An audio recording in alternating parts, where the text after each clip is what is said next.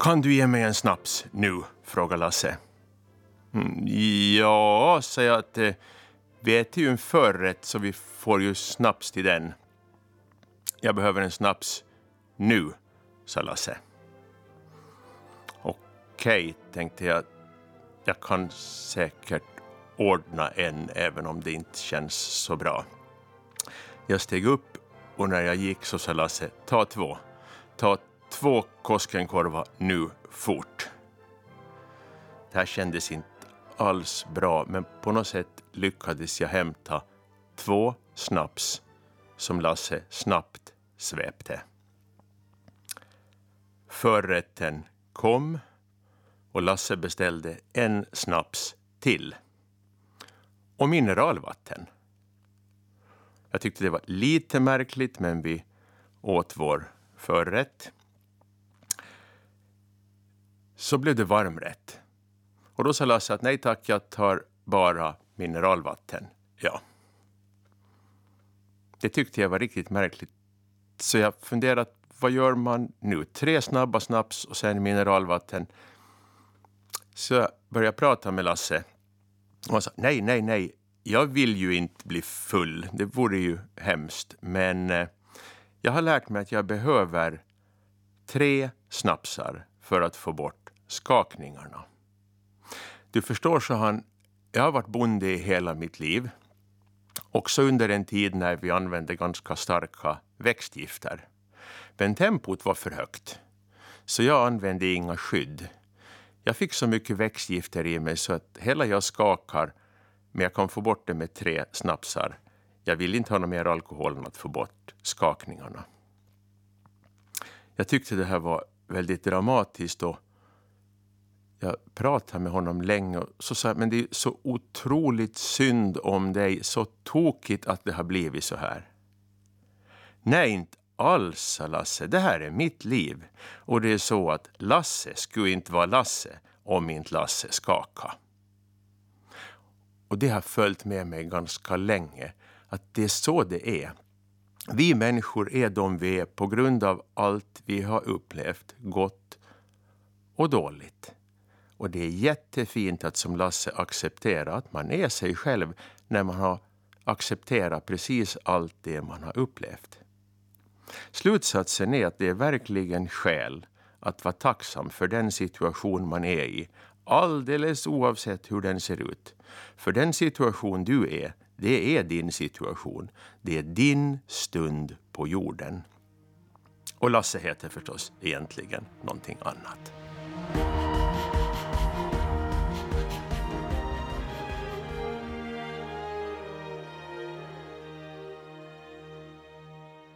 Hej! Jag heter Edgar Wikström och sommarpratar idag. Jag är 60 år och bor i Mariehamn och ibland i Saltvik. Jag är och har sagt mig vara ålänning, familjeman, förhoppningsvis en god vän, småbrukarson, mobbat skolbarn, ekonomiemagister, bankdirektör, statsdirektör, vice vd på Wiklöf Holding, konsult inom ledarskap och effektivitet, frimurare och präst. Så här har jag tänkt på mitt liv. Så här har jag ibland velat presentera mig. Det här har varit mina roller de masker jag nu ser tillbaka på. Eller så är hela den här presentationen bara en ny mask i sig. Jag har en god vän som har frågat mig hur vet du egentligen vad du vill, Edgar? Och jag svarar att men det är ju bara att man känner efter djupt inne i sig själv. Och då frågar han hur vet du att du inte egentligen bara gör det som du tror att andra vill att du ska göra. Och den där frågan att vad är den innersta viljan, vem är man egentligen, vilket är egentligen bara en mask som man säger sig ha för att komma undan att säga vem man egentligen är eller till och med tänka, vem är jag egentligen innerst inne? Det är stora frågor. Jag har tänkt prata mig igenom idag vad jag har sagt mig vara, vad jag tror att jag vill vara och vilka slutsatser jag har dragit. Och så är frågan, hur vet du som lyssnar egentligen och på riktigt vad du vill göra? Eller gör du vad du tror att folk vill att du ska göra när du går framåt i ditt liv?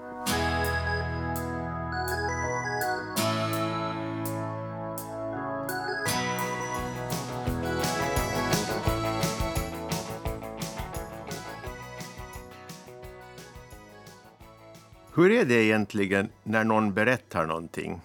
Särskilt om man inte blir avbruten, som i ett sommarprat.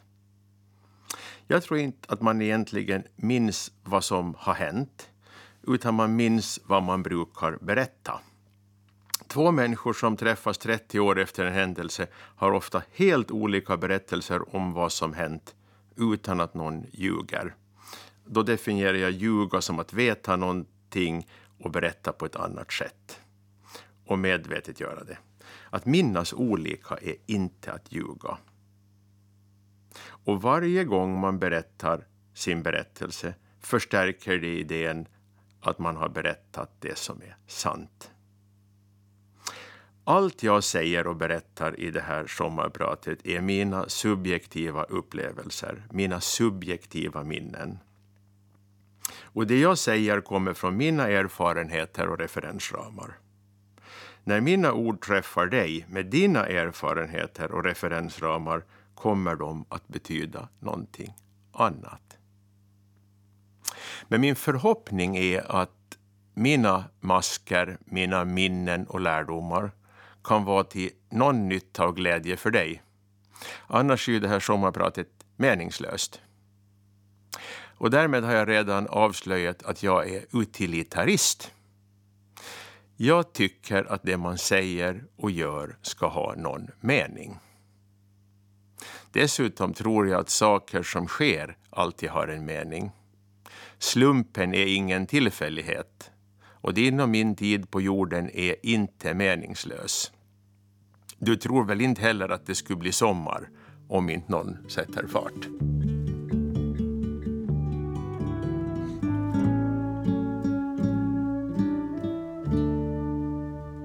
Ja, då har jag använt en dryg kvart av mitt sommarprat för att berätta vad sommarpratet ska handla om och vad jag hoppas att det ska göra.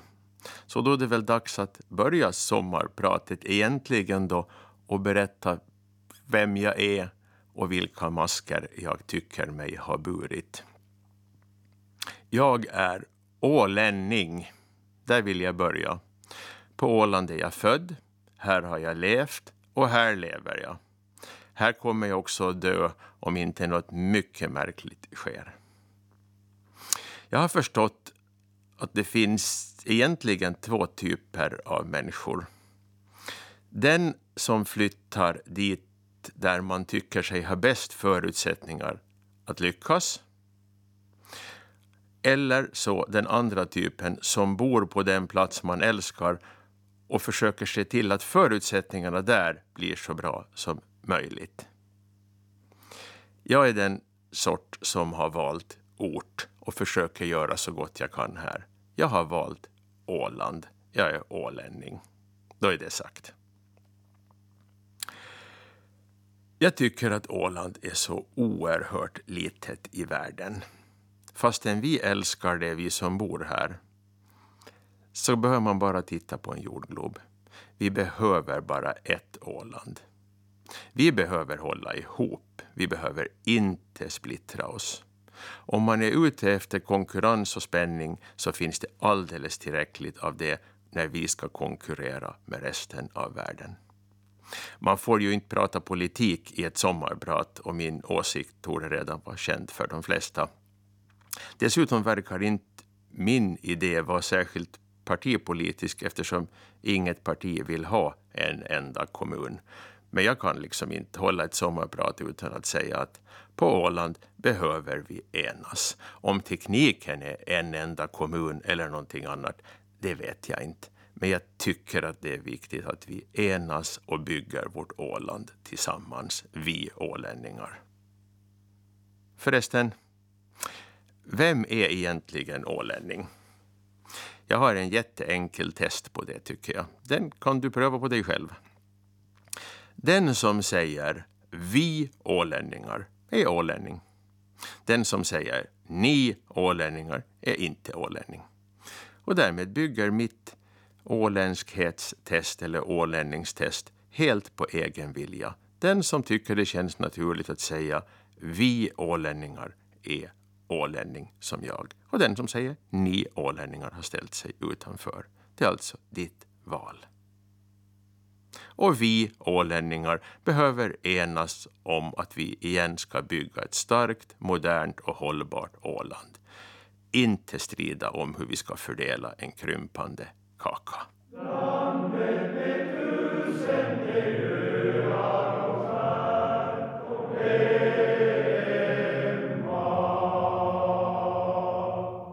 Jag ser mig som en familjeman. För mig är mina barn och deras familjer, min fru och min mamma oerhört viktiga. Det viktigaste i livet, faktiskt. När du lyssnar på det här är det min 37 bröllopsdag. Gun och jag gifte oss den 14 juli 1983 i Jomala kyrka. Det är både obegripligt och fantastiskt hur du, Gun, stått ut med mina humörsvängningar, infall och stundtals tvärsäkra idéer. Tack för allt. Jag älskar alltså min familj över allt annat. Men jag har fler öppna konflikter med mina familjemedlemmar än med någon annan. Visst är det märkligt, eller hur? Jag brukar fundera på det. Hur kan jag bli så osams med dem jag älskar mest? Och hur kan de bli så osams med mig? Möjligen är det så att starka känslor ger starka reaktioner. Kan man ha känslomässigt asymmetriska relationer? Kan man bli jätte, jätteglad när det går i någon mening bra utan att bli jätte, jätteledsen när det i samma mening går dåligt. Kan man, för att ta ett riktigt banalt exempel, bli lycklig varje gång ens fotbollslag vinner samtidigt som man struntar i dem när de förlorar? Egentligen tror jag inte Jag har kommit fram till att känslor i någon mening är symmetriska. Om man tillåter sig att älska och bli jätteglad så är man i farozonen för att hata och bli jätteledsen i samma sväng. Tror jag. Jag tänker mycket på det här, för ett asymmetriskt förhållande till känslor skulle vara väldigt praktiskt och bra. I familjen får man också fundera på att kompromissa. Att ta hänsyn till andra utan att förneka sin egen vilja och var går balanspunkten? Var finns balanspunkten? Som ni hör så tycker jag det här är svårt. Man vill påverka folks liv, sina älskade familjemedlemmars liv. Man vill hjälpa dem. Man vill påverka utan att påverka. En bild är att man som förälder, eller kanske som familjemedlem, får vara lots på de andras fartyg men aldrig någonsin styrman. Det här kommer jag nog att tänka och fundera på och försöka hitta balanspunkten resten av mitt liv. Till familjen får jag bara säga tack och förlåt.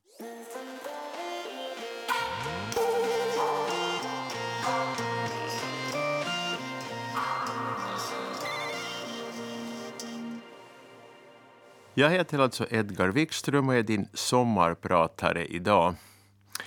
Jag talar om roller som jag har tyckt mig ha, vad jag har lärt mig av de rollerna och hoppas på att det ska kunna ge dig inspiration att lära dig någonting. En roll som jag skulle så jättegärna vilja ha, hoppas jag har men inte vet om jag har, det är att vara en god vän. Att vara någon som man kan lita på, anförtro sig åt, få hjälp av och kanske tycka om. Men hur kan man egentligen veta när man är en god vän? Hur vet man ens när man är snäll? Hur hanterar man när någon sitter med öppen gylf? Eller, på en annan nivå, när någon dricker för mycket alkohol? När talar man och när ska man tiga? När säger man till vad man ser och vill vara vänskaplig genom att ändra på den här vännen? Och när är man vän genom att låta saker och ting passera? Finns det regler? Eller finns det bara intuition, känsla, förtröstan på helig ande? Är det bara jag som tycker att det är svårt att veta när man är en god vän? Beror de här tankarna på att jag är introvert? Jag är faktiskt introvert. De som känner mig tror att jag är extrovert, men det är jag inte. Jag är väldigt inåtriktad.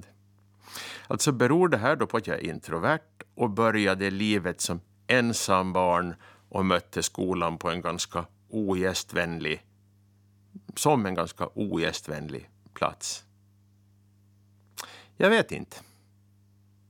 Men jag vet att slutsatsen av de här tankarna om vänskap är att man ska skaffa vänner. Och man ska behålla sina vänner. Och man ska vara så god vän som man någonsin kan. Det är nog ingen lätt vetenskap. Det är säkert ingen vetenskap alls. Det är nog känsla, tror jag. Mina tidiga vänskapsförhållanden representeras egentligen av en då för mig helt obegriplig musik. Sånt som spelades på vinylskivor som vi inte hade i mitt hem, men som mina första vänner hade. Tre ackords hårdrock. Och jag får väl erkänna att sen jag hörde den så hade det varit ganska mycket status quo i min musiksmak.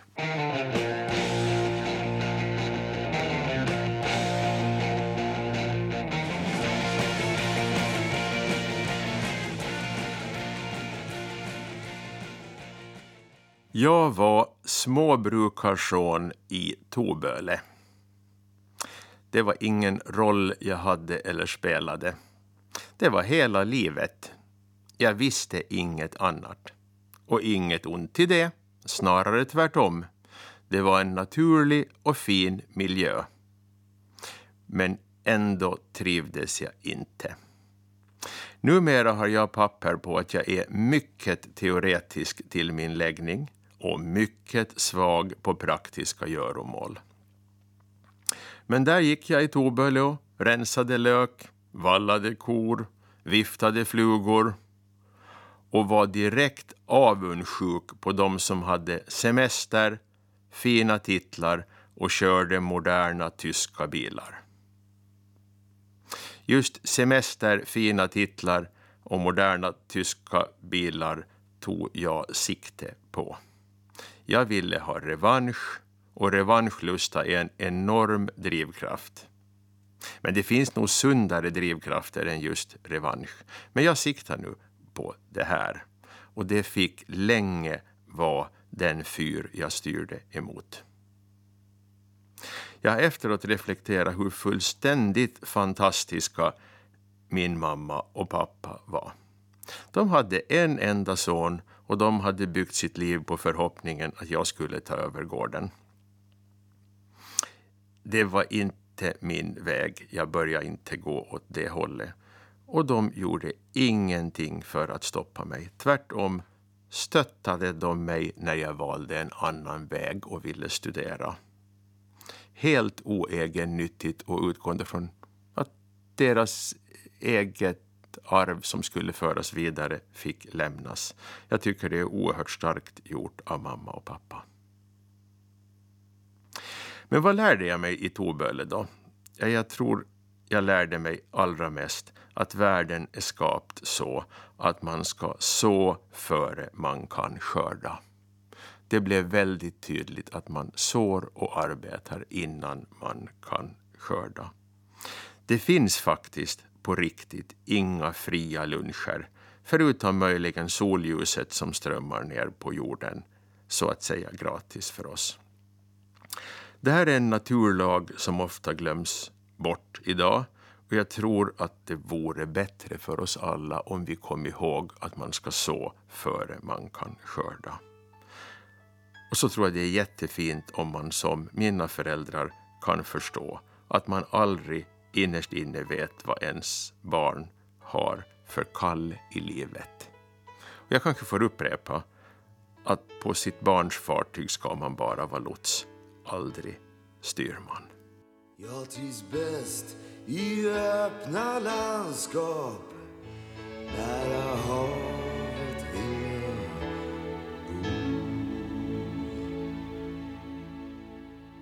Jag har varit ett mobbat skolbarn tidvis. Den händelse som aldrig lämnar mig är när jag sitter på en bänk utanför lärarrummet i Godby högstadieskola.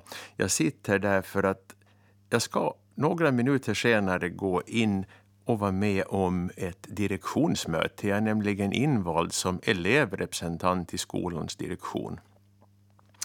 Fram till mig kommer mina fyra plågoandar. Den värsta av dem ler lite, tar på sig sina läderhandskar och säger du vet, jag måste ha handskar när jag slår dig för jag vill inte skita ner mina händer. Och sen får jag då stryk utanför lärarrummet i Godby högstadieskola utan att det syns på mig. Och utan att jag vågar berätta det när jag sen går in på direktionsmötet. Det tycker jag är alldeles förfärligt att något sånt kunde få hända. En annan händelse som jag aldrig glömmer är när samma plågoande lyckas slå mig så svårt så att jag segnar ner mot väggen vid en spelautomat på Solbacka. Och jag tänker att nu är min sista stund kommen. Men framför mig står mitt i allt en av mina klasskamrater, en storvuxen pojke och säger att ni får nog slut slå Ed ni får fortsätta slå Edgar när ni vill men ni måste igenom mig först, sa han. Åtminstone minns jag det så. Jag är honom evigt tacksam. Jag fick mycket stryk, jag var mycket rädd, jag hukade mycket, jag anpassade mig mycket. En lycka var att det här skedde aldrig från någon av mina närmaste, från mina klasskamrater. Jag har alltid haft en god relation med klasskamraterna. Men eh, andra tyckte att jag var värd att slå. Och eh, jag tror det här har lärt mig att verkligen avsky. Avsky är ordet, den starkes rätt. Mobbing är terror i ett mikrokosmos som jag tycker att borde kunna kontrolleras. Jag blir uppriktigt förbannad och arg när jag hör att mobbing är ett fenomen som inte kan kontrolleras. Det måste kunna kontrolleras. Möjligen har mobbingen givit mig en superkraft att kunna läsa av situationer och anpassa mitt handlande. Möjligen kommer det därifrån. Möjligen också en vilja hos mig att alltid vara med i gruppen. Vilken grupp det än är så vill jag vara med. Jag känner mig alltid väldigt förorättad av att bli utanför en grupp. Helt orimliga känslor som jag tror att kommer från det här utanförskapet som mobbingen gav mig. Möjligen har jag alltså i någon mening haft nytta av att vara mobbad, men priset var allt för högt. Om vi ska lära oss någonting av det här så är det rimligen att vuxna alltid och med alla medel ska avvärja och hindra mobbingsituationer i skolor. Och naturligtvis ska mobbing i vuxensituationer också på alla sätt stoppas. Under den här svåra tiden av mitt liv som i huvudsak var högstadietid så var det också så att de flickor jag ville dansa med så ville inte dansa med mig och de som ville dansa med mig så ville jag inte riktigt dansa med. Det har ingenting med mobbing att göra. Men det gjorde att, man kan väl säga också att till och med kärleken gjorde ont på den här svåra tiden.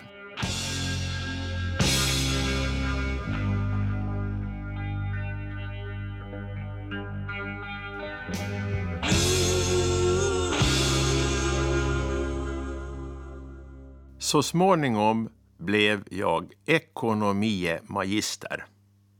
Jag blev någonting. Det här var den första masken jag aktivt valde och jag var löjligt stolt över den. Jag blev nästan ett med min mask.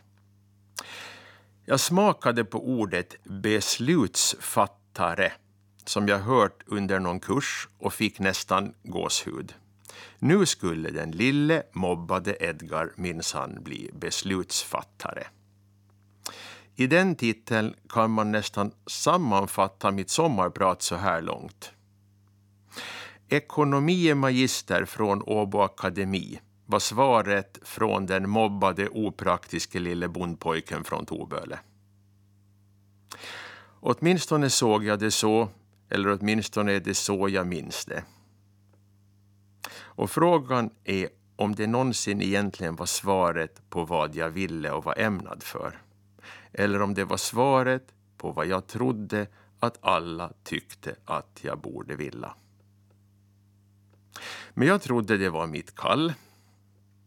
Jag var fokuserad och bar min mask, ekonomie magister, med stolthet. När jag sedan redan från början fick en chefstitel inom Ålandsbankengruppen tyckte jag nog att det var någon slags halleluja moment. Men jag är rädd för att ibland var det viktigare för mig att spela rollen än att göra jobbet. Även om jag nog gjorde jobbet, vill jag påstå. Men just att spela rollen istället för att göra jobbet, det är någonting man ska akta sig väldigt mycket för tror jag. Now I've heard there was a secret chord.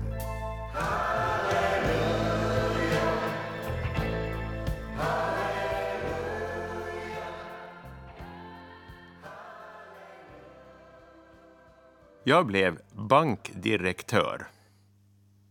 Jo, jag tyckte verkligen också att det var märkvärdigt att bli bankdirektör. Jag förstår att också det är löjligt. Ingenting av en människas eventuella storhet sitter i någon titel man fått. Men med min bakgrund och mina dåvarande livsmål var det här viktigt. Lärde jag mig någonting av det då? Självklart vill jag säga. Drygt 27 år i en verksamhet som totalt förändrades av avreglering, digitalisering och internationalisering.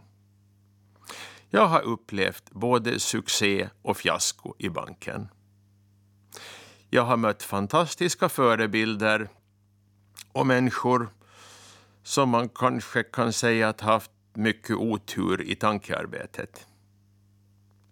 Basen för hur jag förstår yrkesliv kommer självklart från min tid som bankdirektör i Ålandsbanken. Jag kunde ha haft hela sommarpratet om vad jag lärde mig i den rollen. Nu tar jag bara några axplock. Det som inte är naturligt kan inte göras naturligt. Det sades till mig av en äldre kollega för många, många år sedan och det har hängt med mig länge.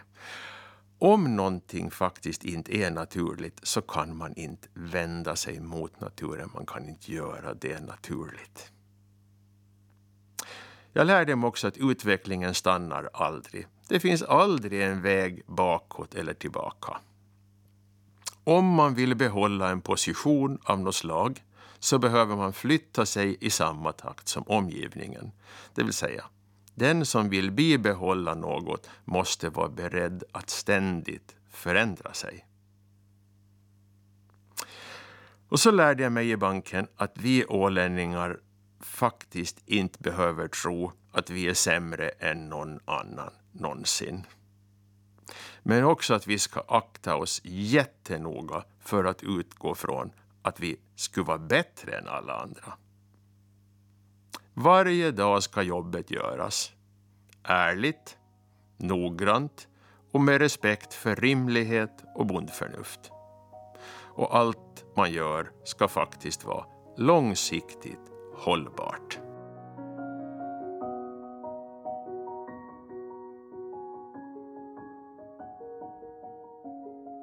Jag blev stadsdirektör, men bara i drygt tre år.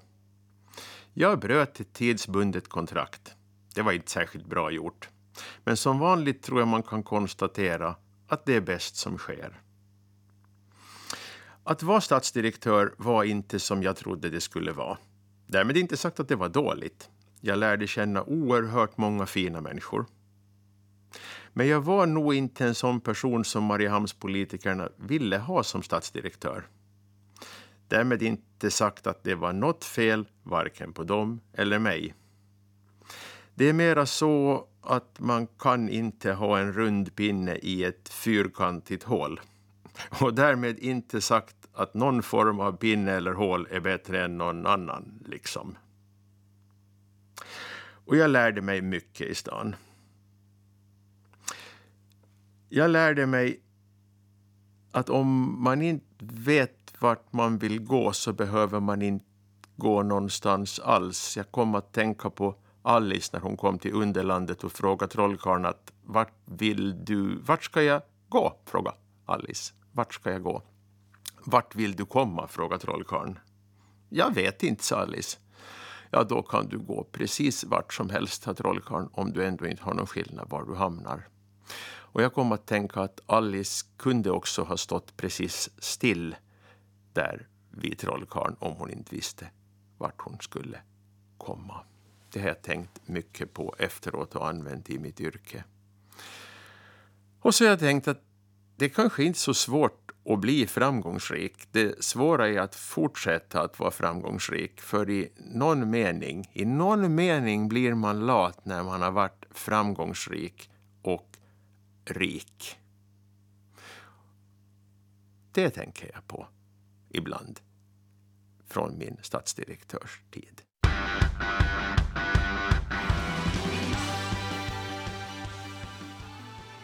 Du lyssnar på Edgar Wikström som håller på att så småningom avsluta sitt sommarprat. Och jag sitter här och märker att jag har pratat om vad jag undrar över och vad jag har lärt mig. Fast jag tänkte berätta om vad jag har haft för masker. Mm, så kan det gå. Eh, jag har varit vice vd på Wiklöf Holding. Det var fantastiskt och lite märkligt. Jag blev smickrad när Anders Wiklöf ville rekrytera mig. Om jag gjorde någon nytta på bolaget? Ja, det vill jag tro och hoppas. Men mest lärde jag mig oerhört mycket också här. Jag lärde mig att absolut ingenting är omöjligt om man riktigt tror på att det är möjligt. Tankens kraft är oerhörd. Jag lärde mig att man ska göra saker så enkelt som möjligt, men inte enklare. Och jag lärde mig att man på övergripande nivå ska göra sånt som känns rätt. Men när man har beslutat sig för vad man ska göra, då ska man vara oerhört noggrann. Känslor ska styra de stora besluten, förnuft och intellekt de små.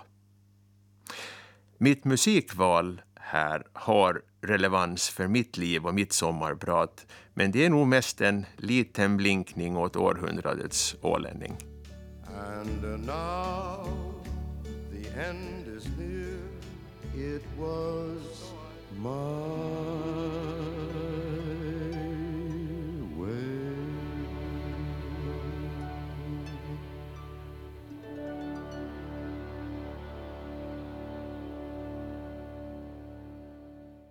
Jag är företagare, konsult inom ledarskap och effektivitet. Ledarskap behövs bara om du har en uppgift som du själv inte klarar av. Att leda är att få den uppgiften utförd av flera personer. Utan uppgift behövs alltså inget ledarskap. Du kan fundera på vad din organisation har för uppgift att utföra. Gör du ibland något arbetsmoment som inte tydligt för mot uppgiftens förverkligande? Eller märker du att ni totalt sett arbetar med saker som inte för mot uppgiftens förverkligande? Effektivitet är att nå målen med utnyttjande av så lite som möjligt av den eller de trånga resurserna. Det är otroligt hur begreppet effektivitet har missförståtts. Mest som kostnadsnedskärning faktiskt. Man talar om att vi ska effektivera organisationen så vi ska dra ner kostnaderna. För mig är det inte alls säkert att man blir effektivare då. Effektivitet är hela tiden kvoten mellan måluppfyllelse och resursanvändning. Effektivitet är faktiskt bra för alla. Man får mycket måluppfyllelse med liten resursanvändning. Men det har fått en dålig klang och jag tror att vi som älskar effektivitet faktiskt får jobba lite för att få tillbaka en god klang i ordet. För att vara effektiv är faktiskt bra för alla. Mitt konsultande går mest ut på att hjälpa till med att få klara mål för organisationer, kommunicera dem tydligt och att jobba med trygghet, kreativitet, kalkyl och genomförande. Och så får man minnas att en grynna är inte ett hinder. Det är bara någonting du ska förhålla dig till på vägen mot fyren som är ditt mål. För på sätt eller annat kan du alltid komma framåt.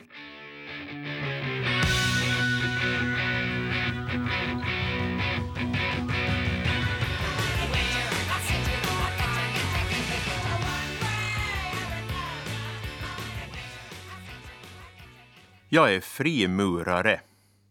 Absolut. Frimurare sedan drygt 15 år och mycket aktiv. Är frimurarna hemliga? Inte det minsta. Paragraf 1 i våra allmänna lagar lyder Frimurarorden har sitt upphov i ett gille och samfund som är instiftat till Guds den allra högstes ära. Ordens syfte är att meddela sina medlemmar upplysning i den ädla vetenskapen att öva dygden och kuva lasten samt att förläna dem insikt och kraft för att kunna lägga band på sina begär och undertrycka sina onda böjelser för att de därmed skall kunna uppfylla den ädlaste delen av sitt väsen till en närmare förening med sitt första upphov, hela världens trefalt store byggmästare.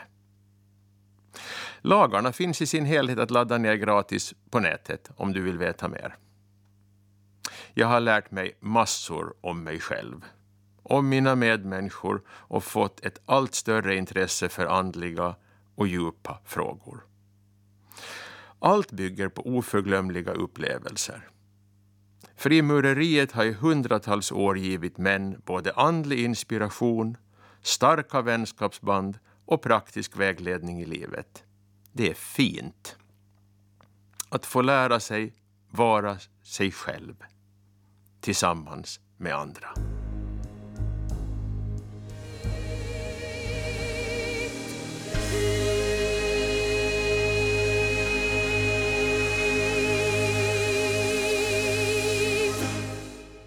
Nu är jag präst.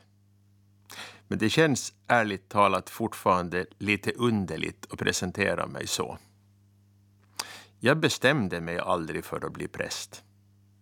Egentligen valde jag aldrig den här vägen. Vägen valde nog mig. Det blev bara naturligare och naturligare att fördjupa sig i teologi och tro och en dag var jag vigd till präst. Jag vill väldigt gärna vara präst för dig som inte är så kyrkvan men som ändå är nyfiken på det andliga, på den femte dimensionen, på kristendomen. Vad är då den femte dimensionen?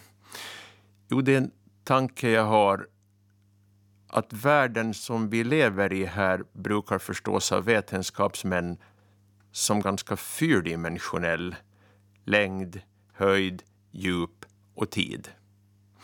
Och när man försöker förstå religion, bibeln, kristendom, andlighet i de termerna, rummet och tiden, så fastnar man lite. Det går inte. Man behöver förstå, tänka och tro att det finns en femte dimension som inte går att beskriva vetenskapligt. Det är en trosdimension. Men den är minst lika verklig som tid och rum. Så tror jag och jag träffar dig gärna för att prata om det. Men Gud då? Varför har jag inte talat om Gud under ett helt långt sommarprat, kanske du tänker? Jag är ju ändå präst och jag fick kanske chansen att hålla ett sommarprat just för att jag är präst. Men jag påstår att jag har faktiskt inte gjort något annat. Jag har pratat om Gud hela det här sommarpratet. Gud har skapat mig och gett mig det här livet. Min väg har haft en mening och ett mål. Utan allt roligt jag gjort och all smärta jag upplevt så hade inte jag varit Edgar. Jag hade inte varit präst nu och jag hade inte fått gå ut och förkunna glädjen, friden och viljan att göra gott. Det här har varit min väg och jag är så glad för den. Tack för den här radiostunden tillsammans. Gå nu i frid ut i den åländska sommaren och tjäna Gud och medmänniskorna med glädje. Gud välsigne och bevare dig.